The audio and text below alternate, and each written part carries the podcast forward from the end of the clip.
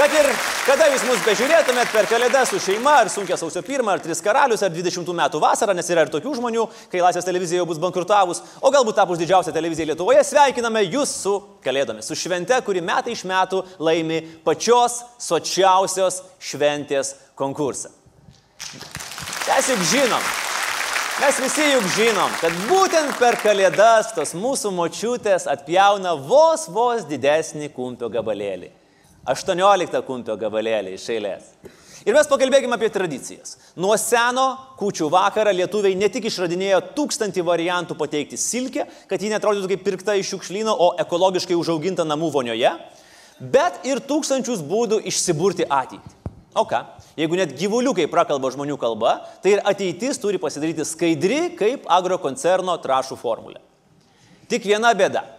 Ko net 90 procentų visų burtų apie tai ištekėsi kitą metą, ar reikės vėl per kitas kučias burti. Aš suprantu, kad taip savo šventės praleisdavo visos kestučio puko žmonos. Bet likusiai Lietuvos šviesuomeniai šis klausimas yra kiek mažiau aktualesnis. Netikit? Pabandykit įvesti į Google kaip IŠT, kaip išt. Ir kokie bus klausimai? Kaip ištraukti erkę, kaip ištirpinti želatiną, kaip ištrinti Facebook anketą. Netgi klausimai, kaip ištempti Vilną ir kaip išsterilizuoti pientraukį ir šitie yra aktualesni už kaip ištekėti. Taigi mes turim potencialią demografinę krizę. Bet atrinkome keletą senovinių būdų ir papročių ir juos modernizavom jaukiam jūsų kūčių stalui. Vis geriau negu kalbėtis apie lietuvišką politiką arba nedaug dievę apie lietuvišką futbolą. Arba nedaug dievę ką per naujus. Nes tada būtinai pradės kas nors siūlyti arba pirtelę, arba kubiliuką, nes nieko nėra smagiau, kaip pirtelė ar kubiliukas per naujus su giminaičiais. Ah, plojat, vadinasi, esat patyrę šitą dalyką. Taigi, išsiburkime savo būstą, kur gyvensim ateinančiais metais. Po stalu paprastai senovės lietuviai dėdavo įvairios floros rinkinį. Ne tik tradicinių šiaudų, bet ir įvairiausių kitokių žolių. Ir traukdavo. Ir pavyzdžiui, jeigu jums šiemet nusišypsos laimė ir jūs ištrauksite kanapę, tai reiškia, kad dviejus metus pagal mūsų įstatymus turėsite puikiai, puikiai įrengtus pusantro kvadrato naujus namus Lūkiškiuose ar Panevežio pataisos kalėjime. Kitas senas geras paprotys - per kučią surenkti varžybas. Duodi dviems namiškiams apklotą, o jie traukia kiekvienas į save. Kas laimi, to laukia geri metai. Ir šilti, nes turi apklotą. Siūlome šitą paprotį aktualizuoti. Na įsivaizduokime, atsistoja Šimašius ir Matijo Šaitis ir tempia kiekvienas į save.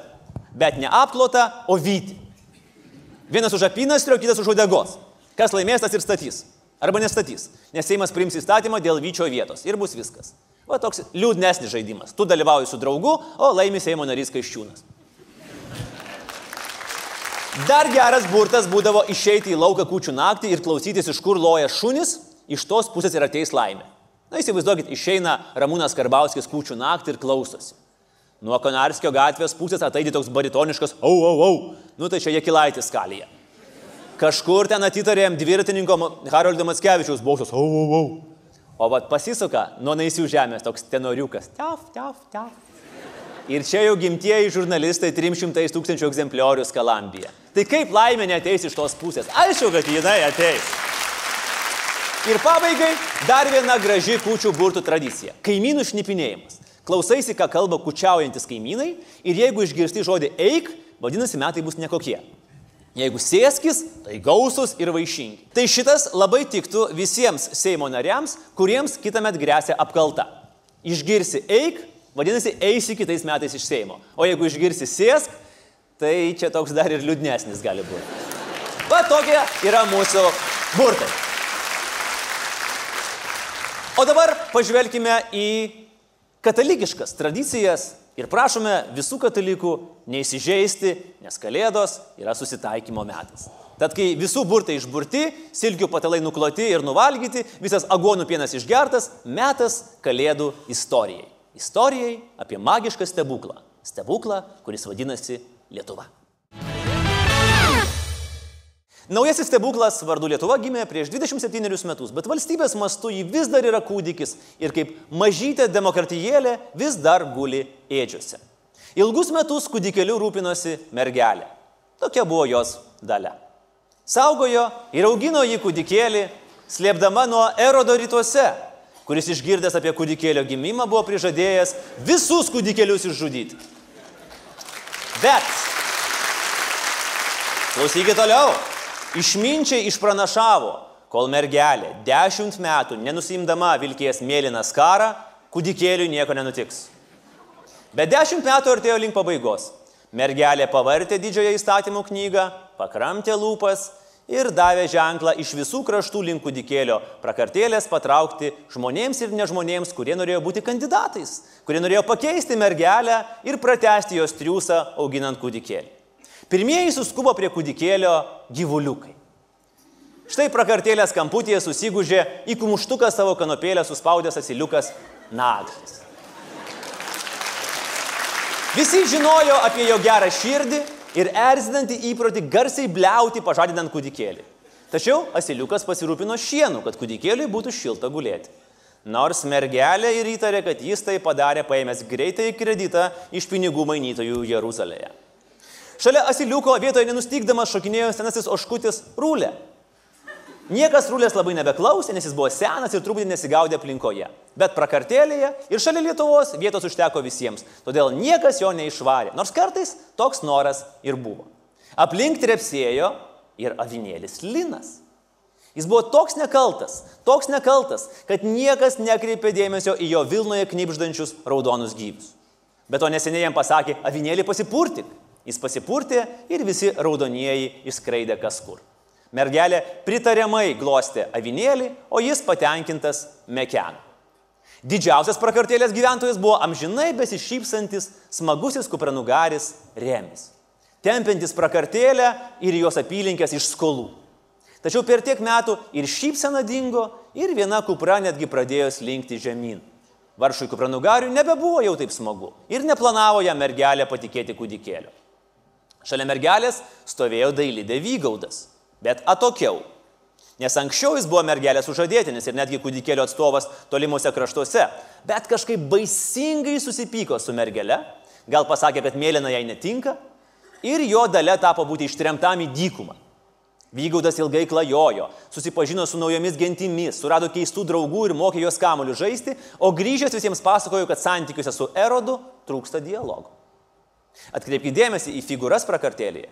Mergelė negali net žiūrėti į dailydę, o šis įsmeigęs į kūdikėlį Lietuvą akis. Globot, valdyti jo svajonių viršūnė ir troškimų išsipildymas.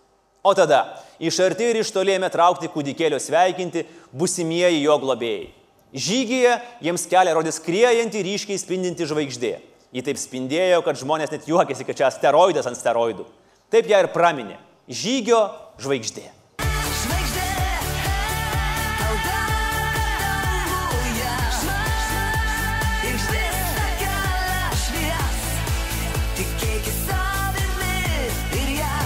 Ne tik žvaigždės lydėjo skubančius pas kūdikėlį, bet sulik kiekviena aušra iš dangaus pasigirzdavo ir galingas balsas. Balsas buvo toks garsus ir šaižus, kad keleiviai dengdavosi ausis ir spartindavo žingsnį, o mergelė dėdavo kūdikėliui ausines ir melsdavosi, kad tik tai šio balso savininkė neteptų naująją kūdikėlio globėją. Jūs esate avinai, tie, kurie renkate tuos, kurie naikina jūsų vaikus. Ir jūs esate visiškai besažinės, kai leidžiate šitaip elgtis su savo kambariais. Tie, kurie aiškina, kad aš tik rėkiu, jie irgi yra avinai. Joks tikras stebuklas ir jokia nuostabi mažytė šalis negali išgyventi be trijų karalių. Trijų nuostabių gelbėtojų, kurie neša dovanas kūdikėliui. Dar prieš jiems ateinant valstiečiai ant robelių durų kreidėjame rašyti G plus S plus V. Ir tai nebuvo pagarba Golden State Warriors. Pirmasis ėjo Gitanas, išmintingiausias iš karalių, Kūdikėliu jis nešė savo pranašyščių knygą. Visi Betlėjus ir Nazareto gyventojai žinojo, kad nevelnio jos neišsipildo, bet kaip ir prideda karaliui dirbančiam Romėnų bankė, jis atnešė kūdikėliui aukso. Tiksliau, valstybės kreditą su labai mažomis palūkanomis. Pasilinkė karalius Gitanas virš kūdikėlio ir šnipždėjo. Gal metas pagalvoti apie antros pakopos pensijų draudimą? Antras ėjo karalius Visvaldas, valdė šalimais esantį Jerichono miestą. Visvaldas garsėjo, kad papūtęs triubą sugriovė Jerichono pastatą vaiduoklį, o švesdamas pergalę rinkimuose Jerichone pastatė tokio dydžio raitelio kolosą, kad Rodo salos gyventojai kūkčiojo iš pavydo. Visvaldas buvo taip pat sukūręs smilkalus, kurie kvepėjo krabu. Jis užsilipdavo į bokštą ir smilkydavo, o kvapą užuodė miesto gyventojai, parplupdavo ant kelių, pasisukę kaktai milžinišką Visvaldo dvarą ir imdavo melstis. Jerichonas atsigauna ir Jerichone galima gyventi. Visvaldas geriausias, viską pas Dievą jis gali. Tokius milkalų lasdelius atnešė ir kūdikėliui. Mat tikėjosi, kad visa Lietuva įkvėps krabų lasdelių kvapo ir ims melstis karaliui Visvaldui. Mergelė žiūrėjo į tai labai skeptiškai ir nenorėjo, kad prie kūdikėlio lystų su visokiom ten chemijom. Paskutinis karalius buvo vardu Saulas. Ilgus metus jis rūpinosi palaimintosios tautos saugumu, apie jo darbus netgi buvo sukurtas televizijos serialas. Saulas buvo jo keliukus mėgstantis karalius, todėl kūdikėliui dovanų buvo sugalvojęs atnešti bananų, bet kažkaip patarėjai jį atkalbėjo. Todėl jis atnešė stebuklingos ir vertingos myros, kurias turėjo apšiai konfiskavęs iš kontrabandininkų. Dovanojo ir kūdikėliui, ir save tepė apšiai, nes tik pateptasis myra per tokį trumpą laiką iš paprasto pretorijaus gali tapti karaliumi ir pagrindiniu kandidatu į kūdikėlio globėjus. Mergelė žiūrėjo į karalių Saulių ir nieko nesakė. Bet viską pasakė jo žvilgsnis. Tai žvilgsnis buvo šaltas ir stingdantis, kaip gorgonės medūzos. O aplink arčiausius Lietuvai, didžiuosius karalius ir gero norinčius gyvulėlius, laksė trumpakelnis piemenėlis Gabrielius. Ir pasišaukčiodamas mėgino bent akį užmesti į kūdikėlį, nes senelis liepė nueiti ir pasižiūrėti, ar nors kiek kūdikėlis pasikeitė nuo jo laikų. Liepė senelis žiūrėti ir mokytis ir galvon dėtis, nes vieną dieną tolimoje ateityje ir piemenėlis gali tapti prakartėlės valdovu. Bet po to, kai senelis išardė tiek prakartėlių, vargu ar dar jam tai pavyks. Ir kasgi galiausiai bus tikruoju Lietuvos išgelbėtoju, sužinosime dar negreitai. Kitais metais visi prakartėlės gyventojai susirems iš pėties. Ir tik po ilgos ir atkaklios kovos sužinosime, kas pakeis mėlynosios karos mergelę ir ateinančius penkerius metus rūpinsis Lietuvos gerovę. Na, o šiai dienai mums reikia džiaugtis šios gražios pasakos sukurta paslaptimi ir nežinia, nes jau visai greitai Stebuklingas laukimas pavirs tuo, ko visi laukiame. Nepamirškime, kučių naktį gyvuliukai prabyla. Tik kad ir ką pasakys prakartėlės gyventojai, paskutinis žodis kol kas priklauso mėlynajai mergeliai. Linksmų kalėdų!